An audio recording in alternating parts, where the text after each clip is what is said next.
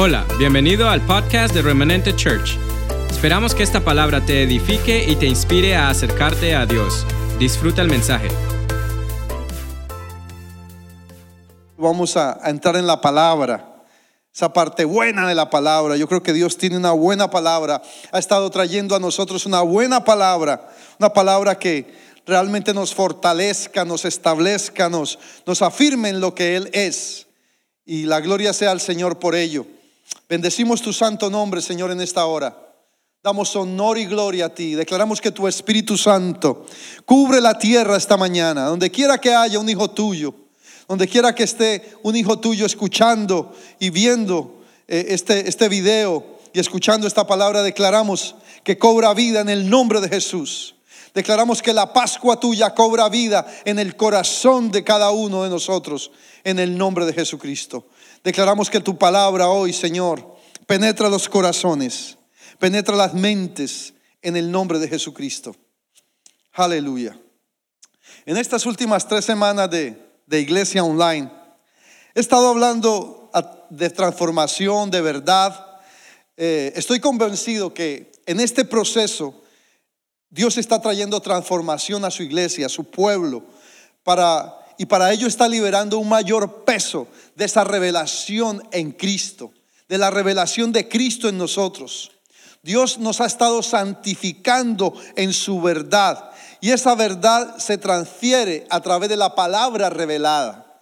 Yo estoy convencido, yo lo percibo y lo he visto y lo he hablado con muchos de ustedes estas últimas semanas, de que ha venido un mover de revelación a, a la iglesia del Señor cuando abrimos la palabra, eh, nuestros sentidos espirituales se han estado eh, ejercitando, han estado eh, abriéndose para, para entender, para ver, para percibir, para asimilar, para implantar, para injertar esa bendita palabra que Dios nos ha estado revelando.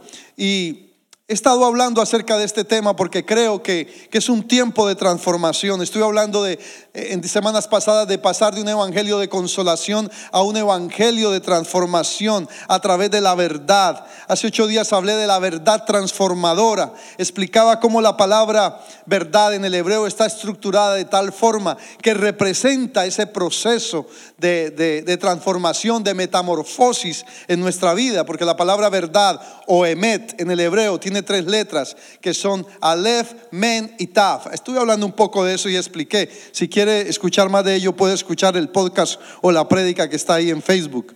Y creo firmemente que Dios está trayendo, sí, Dios está trayendo un avivamiento, pero un avivamiento de transformación a su pueblo, donde no volveremos a ser los mismos, donde vamos a ver una gloria mayor en nosotros. Y quiero decirte esto que te voy a decir con amor, con autoridad. Y tú, de que tú y yo como hijos de Dios, estamos siendo inquiridos, estamos siendo exigidos por el Espíritu para que entremos en un caminar de transformación. Un caminar donde nuestra vida sea realmente transformada. Para que de esa forma decidamos entrar en lo que Dios quiere este tiempo, que es un proceso transformador. De eso quiero hablar esta mañana, de un proceso transformador. Y usted dirá, apóstol, ¿va a hablar otra vez de proceso? Sí, porque los procesos de Dios, hay muchos procesos en nuestra vida. Constantemente vivimos procesos, pero necesitamos entrar a través de la revelación de la palabra a través de la palabra profética que Dios está soltando sobre nosotros, necesitamos caminar. No en procesos que se desperdicien, no en procesos que nos traigan dolor, no en procesos que nos dejen en la misma situación dando vueltas, sino en procesos que realmente transformen nuestra vida. Amén. Así que quiero que abramos nuestra Biblia en Éxodo capítulo 6. Este es un pasaje que siempre he leído, he explicado, y hay algo interesante. Y Dios me decía, la palabra que has predicado estos años no es en vano. Porque créame, yo a veces venía delante de Dios y decía, Señor, tú nos has dado una palabra revelada, tú nos has dado una palabra que cambia, tú nos has dado a esta iglesia una palabra que, es aplicable a cambiar vidas. Pero a veces no pareciera que no sucedía nada. Pero yo hoy te puedo decir con emoción, con seguridad, con convicción lo que el Señor me decía. Me dice, ahora esa palabra va a cobrar vida. Ahora ese depósito va a ser liberado en el corazón, en las vidas, en las mentes, para que sus vidas sean transformadas. Entonces, no ha sido en vano, me decía el Señor, lo que has predicado, porque mi palabra no volverá a mi vacía. Wow, eso me, me bendijo mucho. Así que vamos a leer en Éxodo, habrá su Biblia ahí en casa, no tiene excusa. Vaya, búsquela en la biblioteca, en el escritorio, en la cama, donde sea.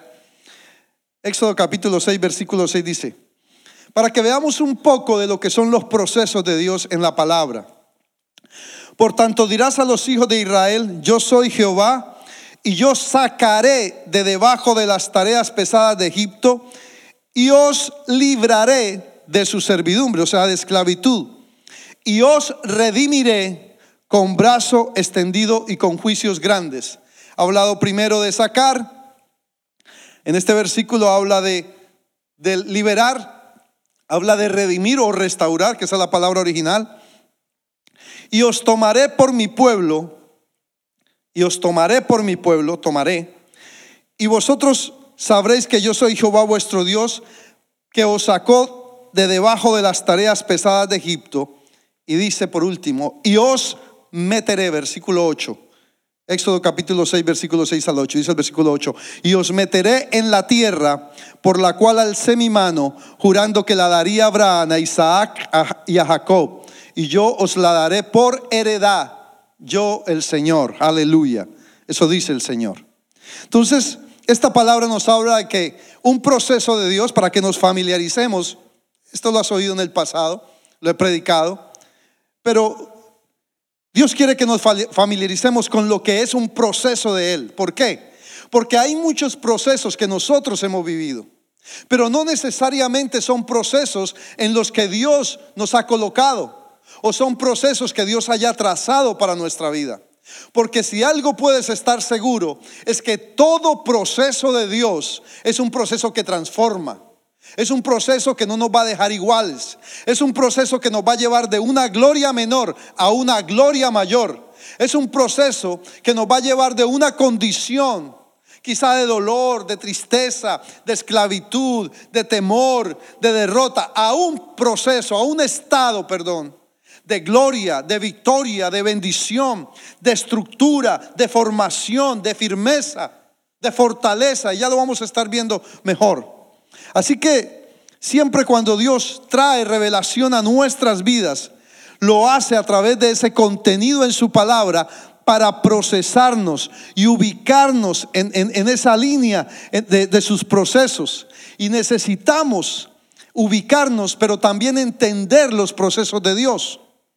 Cuando miramos la vida de muchos hombres de Dios como Jacob, Moisés, Elías, David, Pedro, Pablo, Juan, etcétera, etcétera, etcétera.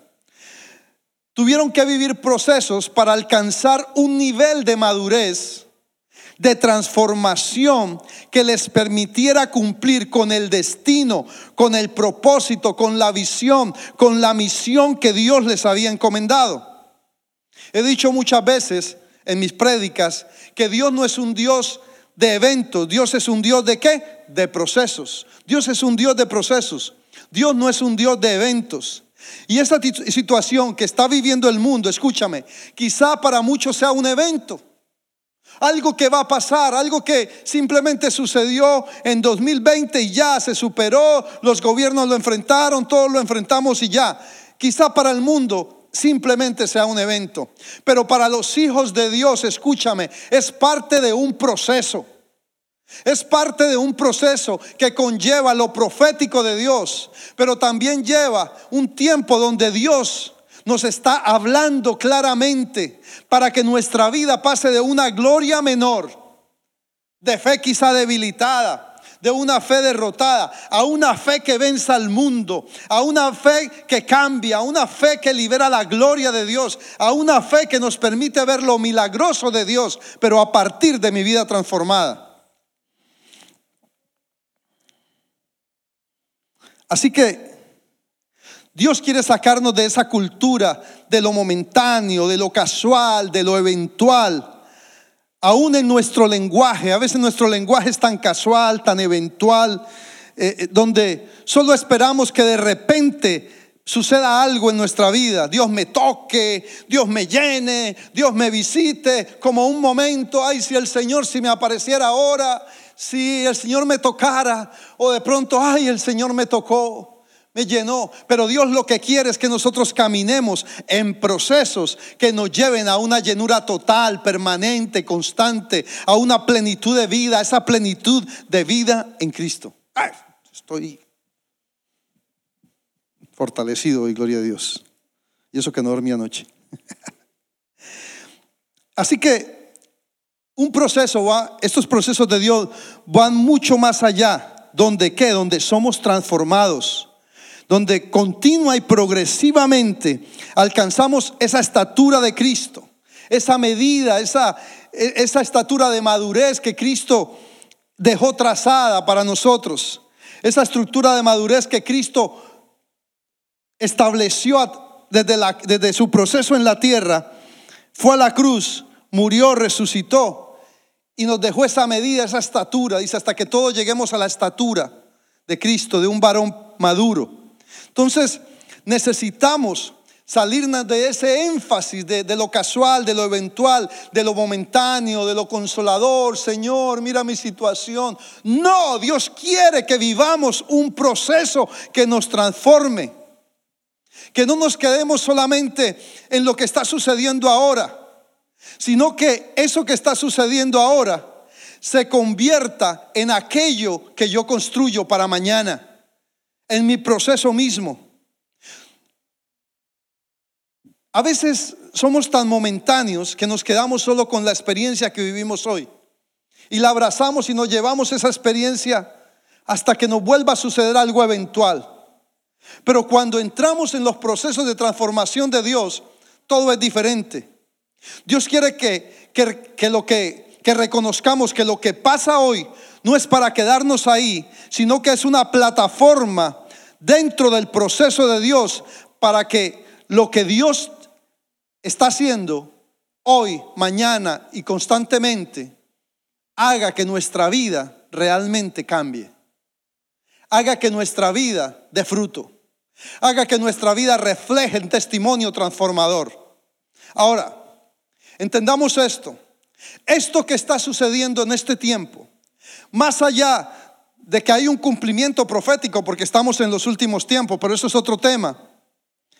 Más allá de todo lo profético que esto puede contener, escucha iglesia, esto, a través de esto Dios está haciendo una convocatoria a su iglesia, a su pueblo, que obvio también tiene el propósito de que visualicemos el elemento profético que está incluido en este proceso que estamos viviendo, tanto para una vida personal, para Dios eh, de parte nuestra como de todo su pueblo. Por un lado, esto está trayendo una transformación, un cambio, una metamorfosis en nuestra vida, pero también como pueblo de Dios, como iglesia de Dios, Dios nos está alineando, nos está direccionando con su diseño, el diseño que Él trazó para este tiempo. Entonces sí, hay una circunstancia, hay una, preocupación por cosas, hay una realidad que estamos viviendo, pero por otro lado ahí es una convocatoria y cuando el Señor me hablaba de esta palabra, convocatoria, yo sentía como trompetas de Dios sonando, como el chofar de Dios llamando a su pueblo, convocando a su pueblo para que venga a vivir una vida que sea trazada por Él, direccionada por Él, lo que Él ha diseñado para ti, para mí, para su iglesia, para su pueblo, un caminar, un proceso transformador.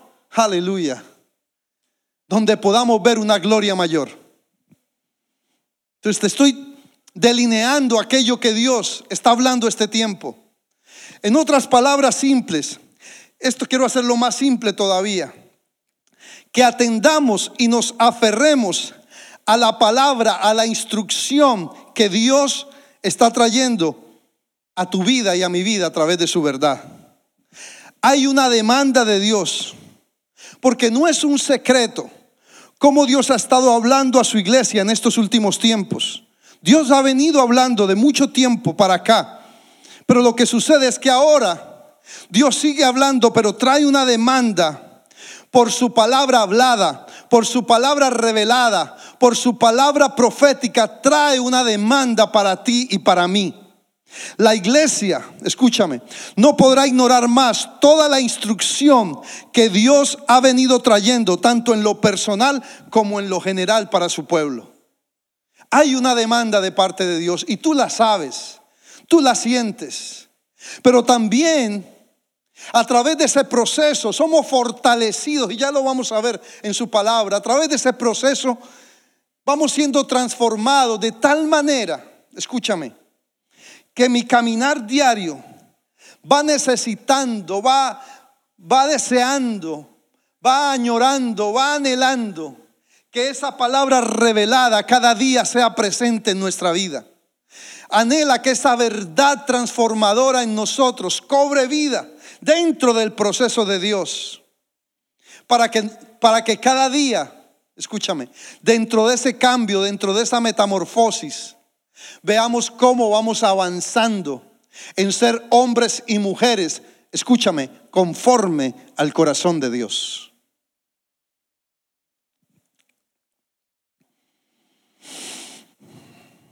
Y como te lo he enseñado por años desde este púlpito, tiene el propósito, este proceso, de llevarnos de una gloria menor a una gloria mayor. De una dimensión donde pareciera que no sucede nada. Movernos de esa dimensión donde parece que la derrota se hace más presente que la victoria. Dios quiere movernos de ese estado donde el enemigo nos intimida, donde el temor es nuestra sentir diario. Dios quiere moverte, movernos de ahí a una dimensión donde tú cobras autoridad en el nombre de Jesucristo, donde la verdad de Dios se te revela cada día y tú estás alineado con Él y tú sabes en qué caminas. Y entonces viene esa esperanza, esa certeza, esa convicción que solamente viene por el poder de la palabra revelada donde actúa el Espíritu Santo y provoca en nosotros una fortaleza, una firmeza, una seguridad, una convicción como hijos de Dios, de que operamos en autoridad por la palabra. Y es cuando en el nombre de Jesús, cuando lo promulgamos, vemos que cosas suceden a causa, dice la palabra misma en Marcos 16, 20, que estas señales seguían a la predicación de la palabra, que estas señales seguían a la verdad.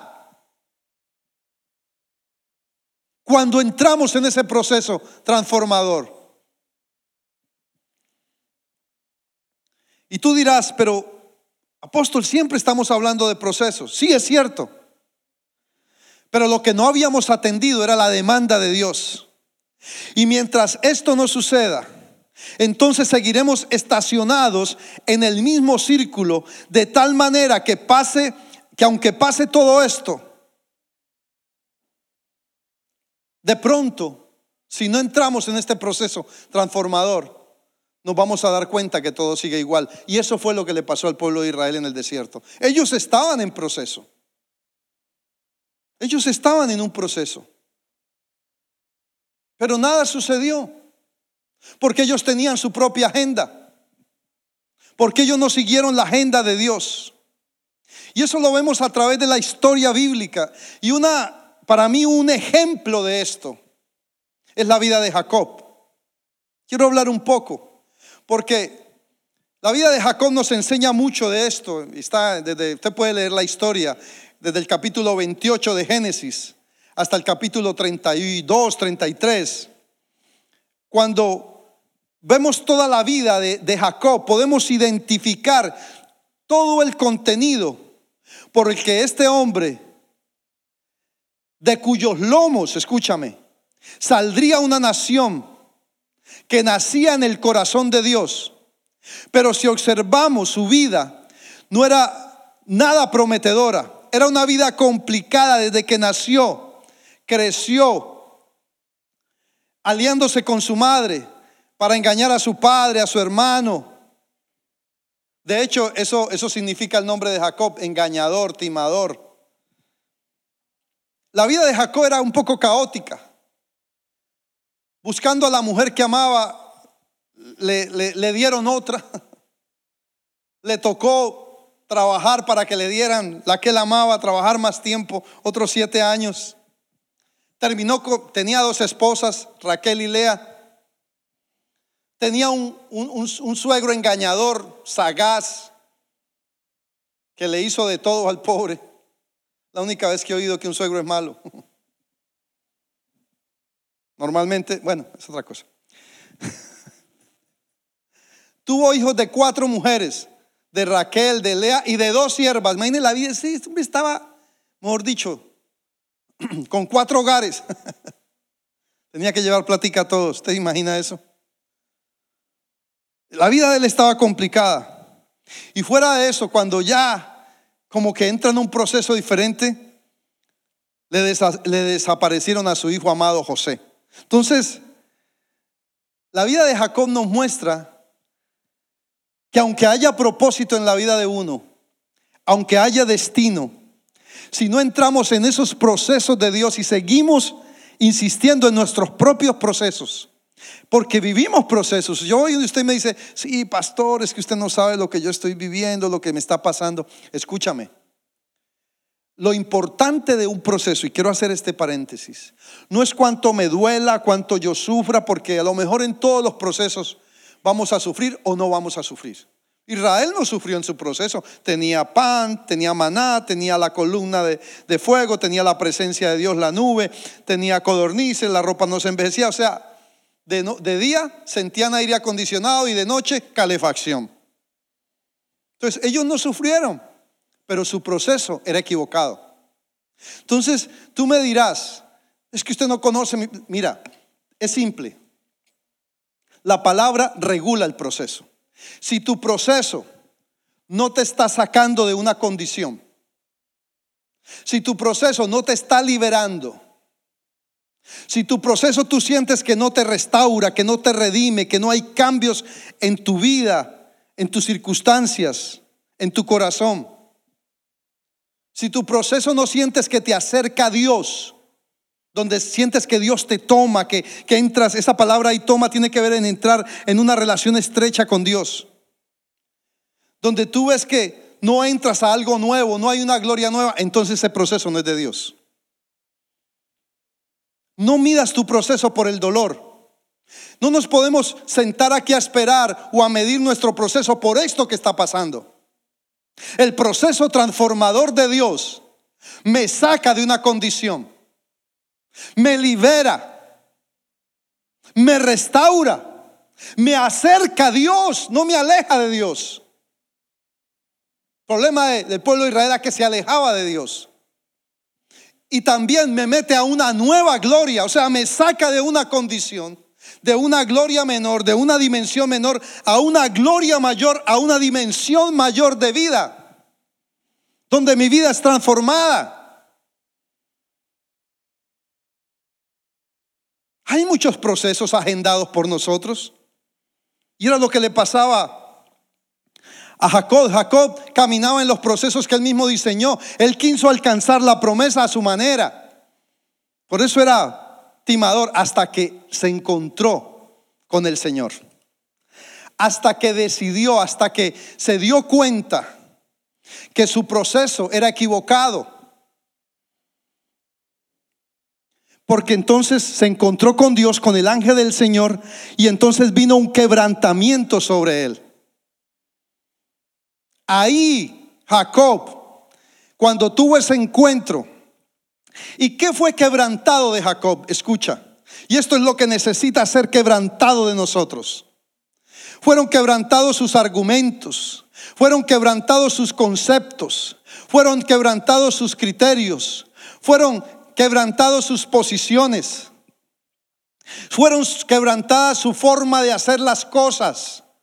Y nosotros vivimos a veces en nuestros procesos haciendo las cosas a nuestra manera y no a la manera de Dios. Tú y yo en este proceso necesitamos a través del quebrantamiento ser liberados de la condición en que estoy, pero en mi mente, en mis posiciones, en el mismo estilo de vida. Necesitamos iglesia, necesitamos cambiar nuestro estilo de vida a un estilo de vida que se parezca más al estilo que Dios propuso para ti, para mí a través de su palabra. Esto es claro. Yo le estoy hablando esta palabra hoy clarita. O cambiamos o cambiamos. Porque el poder de la verdad de Dios para este tiempo, que está trayendo revelación, tiene el propósito de transformar nuestras vidas y convertirnos en hombres y mujeres que reflejemos, que demos testimonio de la naturaleza de Cristo en nosotros como nuevas criaturas. Lo he estado, lo he, venido diciendo. No podemos continuar viviendo un cristianismo emocional, consolador, buscando solo un beneficio que nos dura por un día mientras mañana a ver qué pasa. No, necesitamos entrar en un evangelio que cambia, que transforma, que trae la verdad revelada de Cristo a través del Espíritu Santo, para que entonces esto que se llama vida cristiana valga la pena. O si no, escúcheme, yo le dije un día a un pastor, si este evangelio no te está funcionando, pues no te sirve y déjalo. Obvio, yo sé que este evangelio funciona. El que no funciona, los que no funcionamos somos nosotros. Entonces, dentro de estos procesos van a haber transiciones y ahí es donde muchos se queman. Israel lo vivió. Dentro de su proceso pasó el mar, el mar rojo, eh, llegó al desierto, llegó al Jordán, llegó a Jericó. Fueron transiciones donde muchos se quedaron en ellas.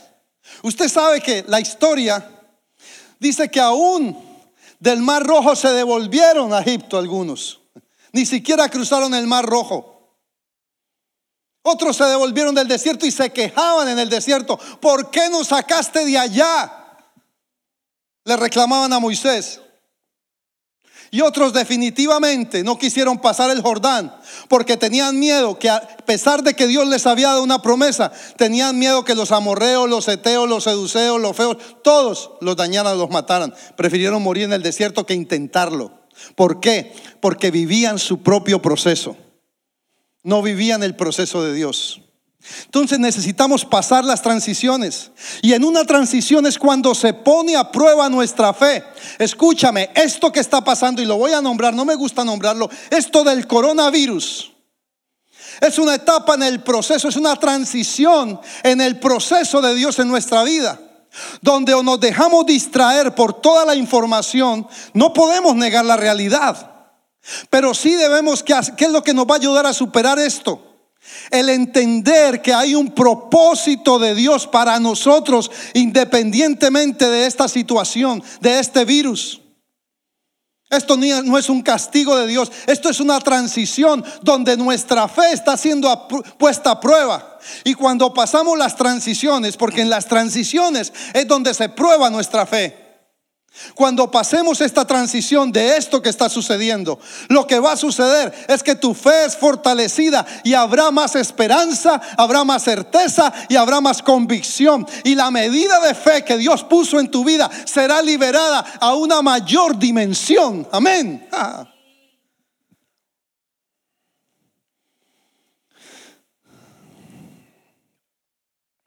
Así que veremos aquello que no se veía. Entonces, cuando hablamos de, la vida de Jacob, hubo quebrantamiento. Él rompió su propia agenda. Su nombre fue cambiado. Entonces comenzó a partir de Peniel, que fue donde se encontró con el ángel del Señor, con el Señor mismo. La vida de Jacob empezó a cambiar. Su nombre fue, de hecho, fue cambiado a Israel.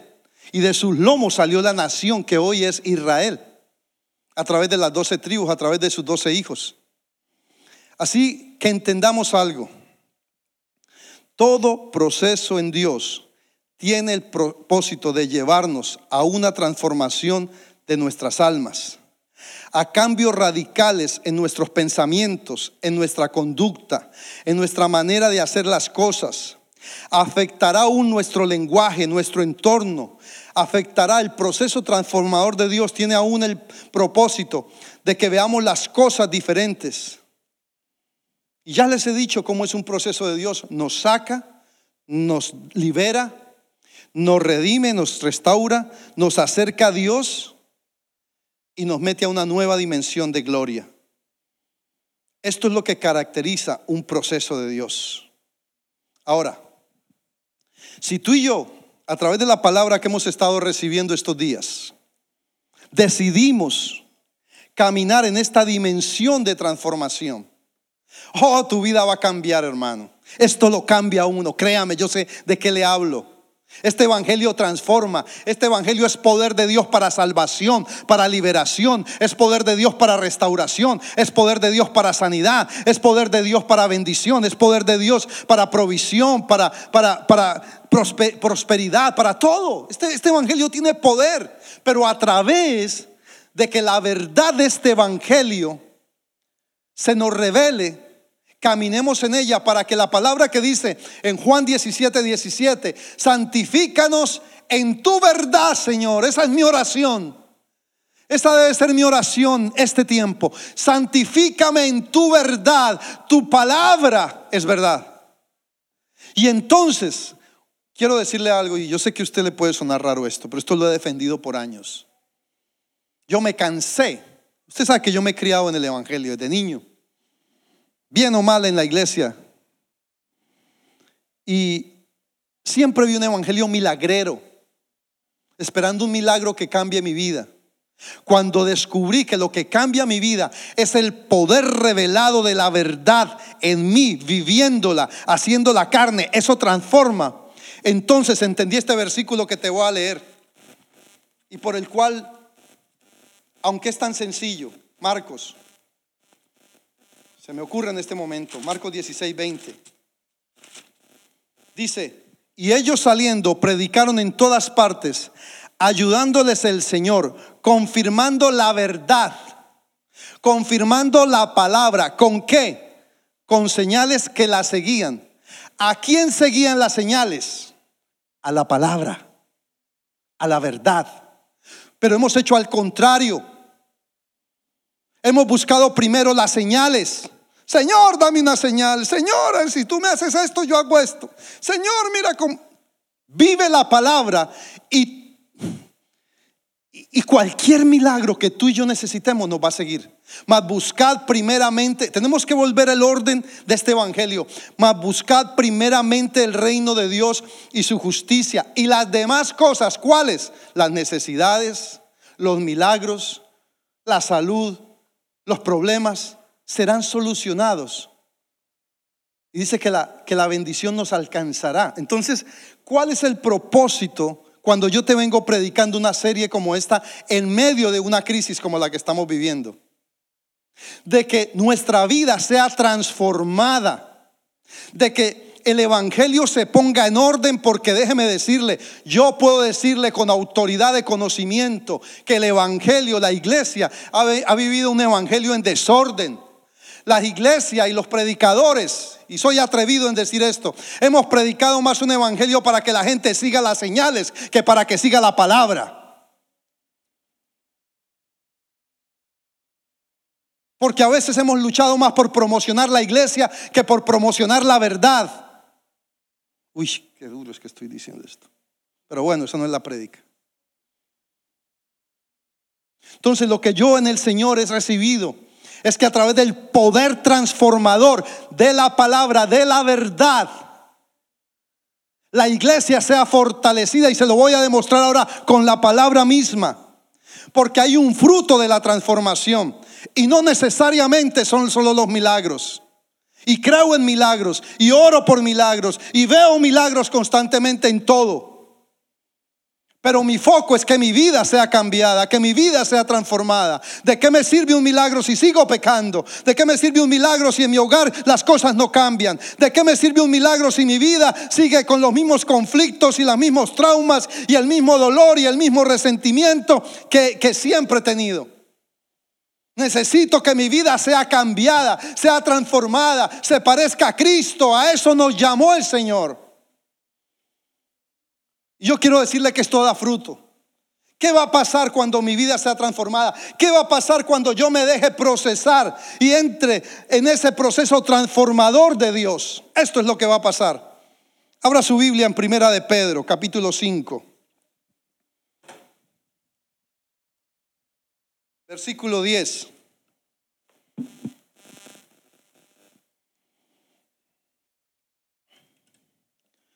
Mire, yo, yo quiero decirle algo y quiero contarle un testimonio. Yo sé que usted me ha visto en estos días un poquito fuerte con la palabra.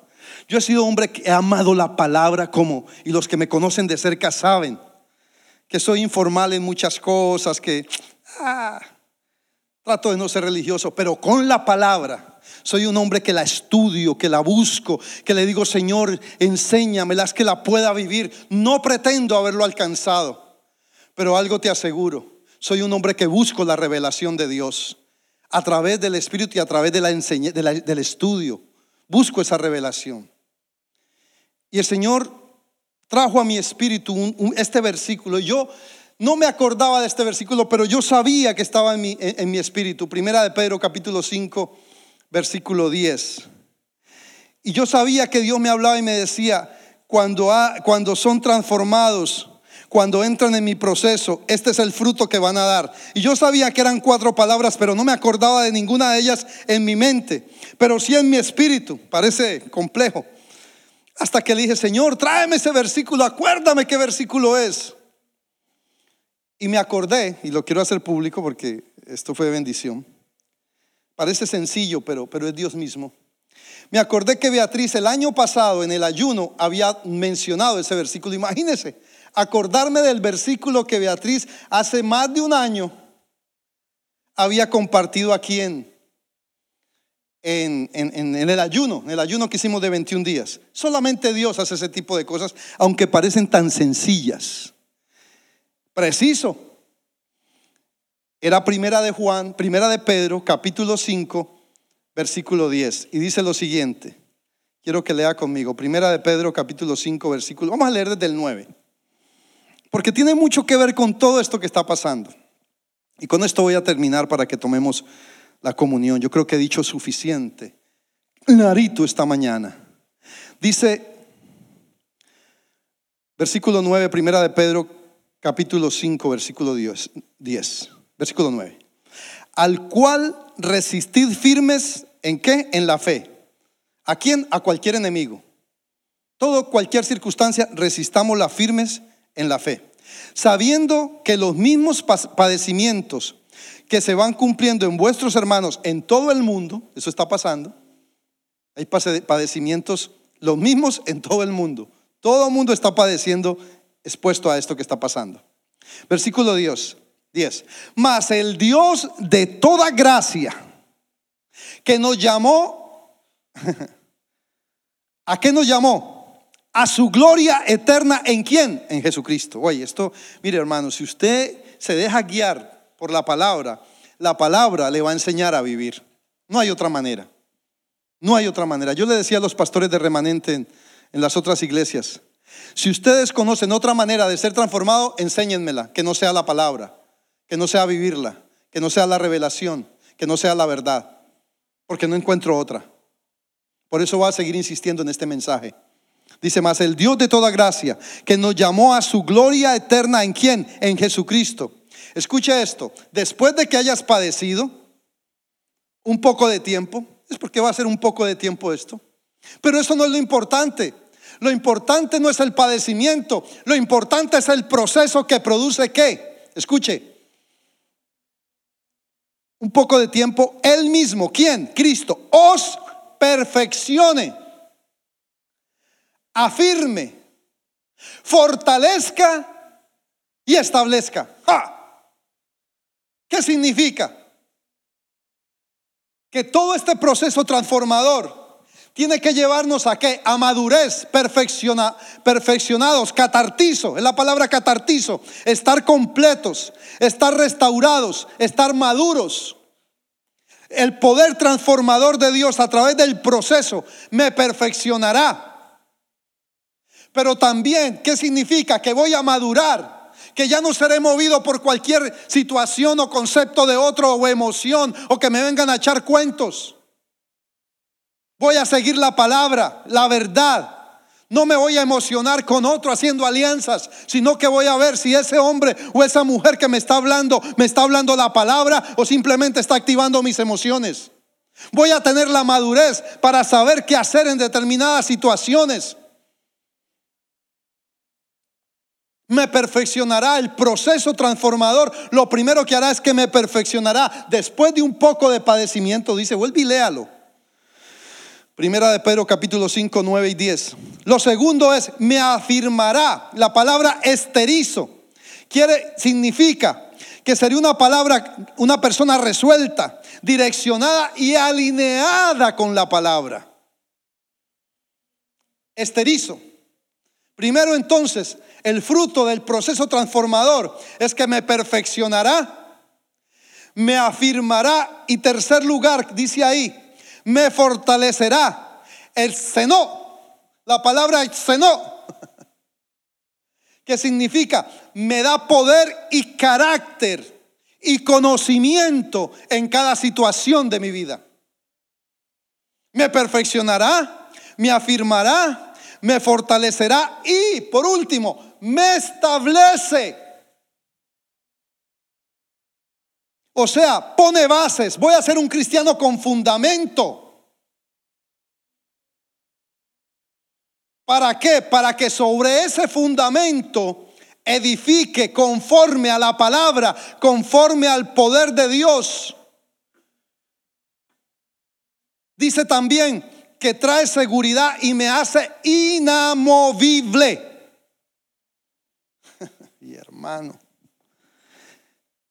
Gloria sea al Señor. Entonces, el fruto de la transformación, del proceso transformador de Dios, indefectiblemente, sin duda alguna, sin temor a fallar, me llevará a perfeccionar madurez, a afirmar, a ser fortalecido y a ser establecido. Lo que me lleva también a entender de que este proceso transformador mostrará, proyectará un cambio visible y palpable en nuestras vidas. Y sí, este tiempo quizás sea un poco de padecimiento, pero si nos metemos en este proceso transformador de Dios, habrá una iglesia transformada por la verdad a través de un proceso.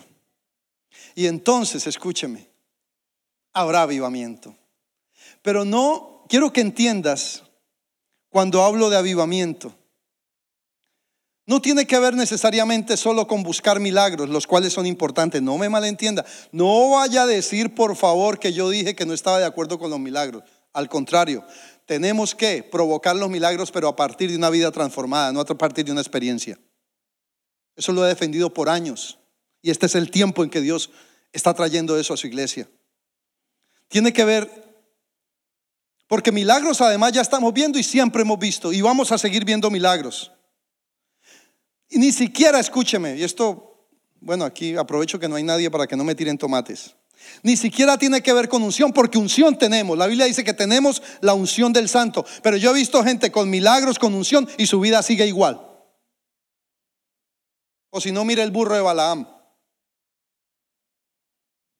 Lo que nos va a transformar es el proceso de obedecer la palabra, de que ella penetre y se implante en mi vida, que los diseños de Dios en nuestra vida sean injertados, sean establecidos de forma, de tal manera que demos frutos de arrepentimiento.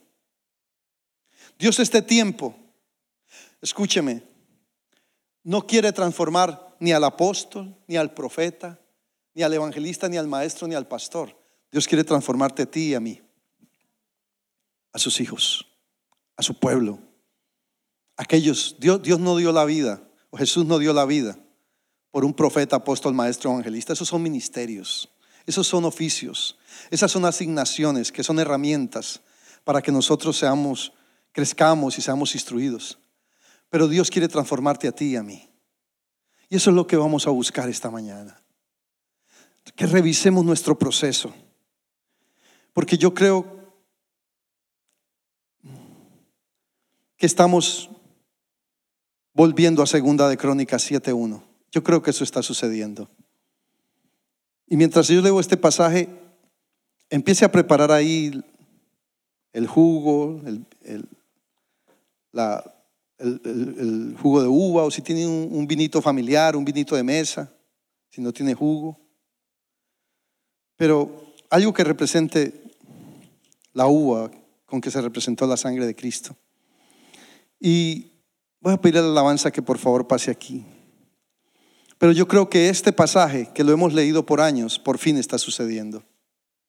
Si se humillare mi pueblo sobre el cual mi nombre es invocado, y oraren y buscaren mi rostro, y se convirtieren de sus malos caminos, entonces yo iré desde los cielos, perdonaré sus pecados y sanaré su tierra. De ti, de mí depende. Y esta mañana, digámosle, Señor, ahí donde está, revisa tu proceso si estás dentro de la agenda de Dios o tú has creado tu propia agenda. Israel tuvo su propia agenda, Jacob tuvo su propia agenda. David tuvo su propia agenda en su momento, cuando se metió con Exabed. Elías tuvo su propia agenda cuando Juiz se metió a la cueva. Moisés tuvo su propia agenda cuando huyó de Egipto asustado. Abraham tuvo su propia agenda cuando dijo que Sara era su hermana. Al rey de Salem. Pedro tuvo su propia agenda cuando negó a Jesús. Cuando mató al, cuando le cortó la oreja al, al centurión. ¿Cuántas veces hemos caminado en nuestra propia agenda? Pero hoy es tiempo de entrar en la agenda de Dios de entrar en el proceso transformado, porque todos ellos, y nosotros también, en muchas maneras nos parecemos a muchos de ellos. Creemos en nuestra autosuficiencia, en lo que tenemos a veces, pero estos son tiempos para creer en lo que Dios nos ha dado, lo único seguro que tú y yo tenemos. Entonces llegó el tiempo de ser transformados. Llegó el tiempo de vivir este evangelio de verdad.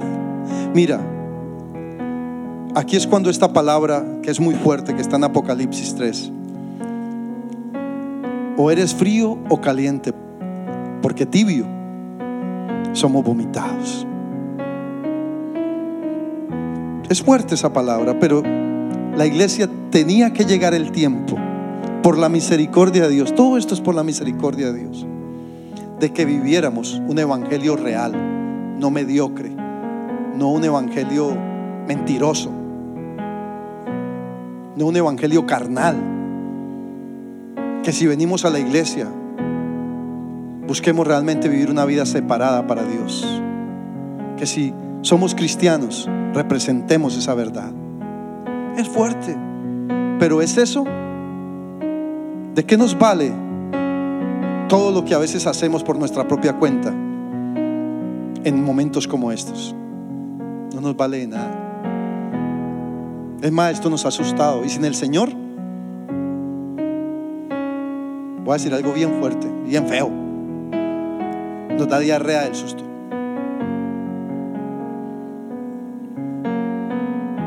Pero este es el tiempo que necesitamos ponernos serios en nuestro caminar. Este es el evangelio que tenemos que predicar. Yo estoy comprometido con este evangelio de aquí en adelante. Y si antes lo he hecho, ahora lo voy a hacer mucho más. Porque la próxima vez, escucha iglesia, que tú tengas una situación en tu vida, en tu familia, en tu pareja, con tus hijos, de dolor, cualquier situación que te preocupa y vienes a buscar al Señor, asegúrate de que realmente quieres vivir bien y cambiar. Si no, no va a pasar nada. Vas a perder el tiempo. Si tú quieres que tus problemas se solucionen, cambiemos Cambiemos. Si verdad queremos que este evangelio sea real en nosotros, de todas sus promesas, porque es que queremos las promesas de Dios, pero no queremos cambiar la vida. eso no va a funcionar. Nunca ha funcionado, de hecho. Vamos a ver un evangelio verdadero, real. Amén. No estoy regañando, es que los amo de verdad. Y tengo que decir la verdad y tengo que buscar cada día que yo la pueda vivir como tú. Aleluya. Esperamos que este mensaje haya sido de bendición. No te olvides de suscribirte a nuestro podcast y seguirnos en Facebook e Instagram arroba remanente church.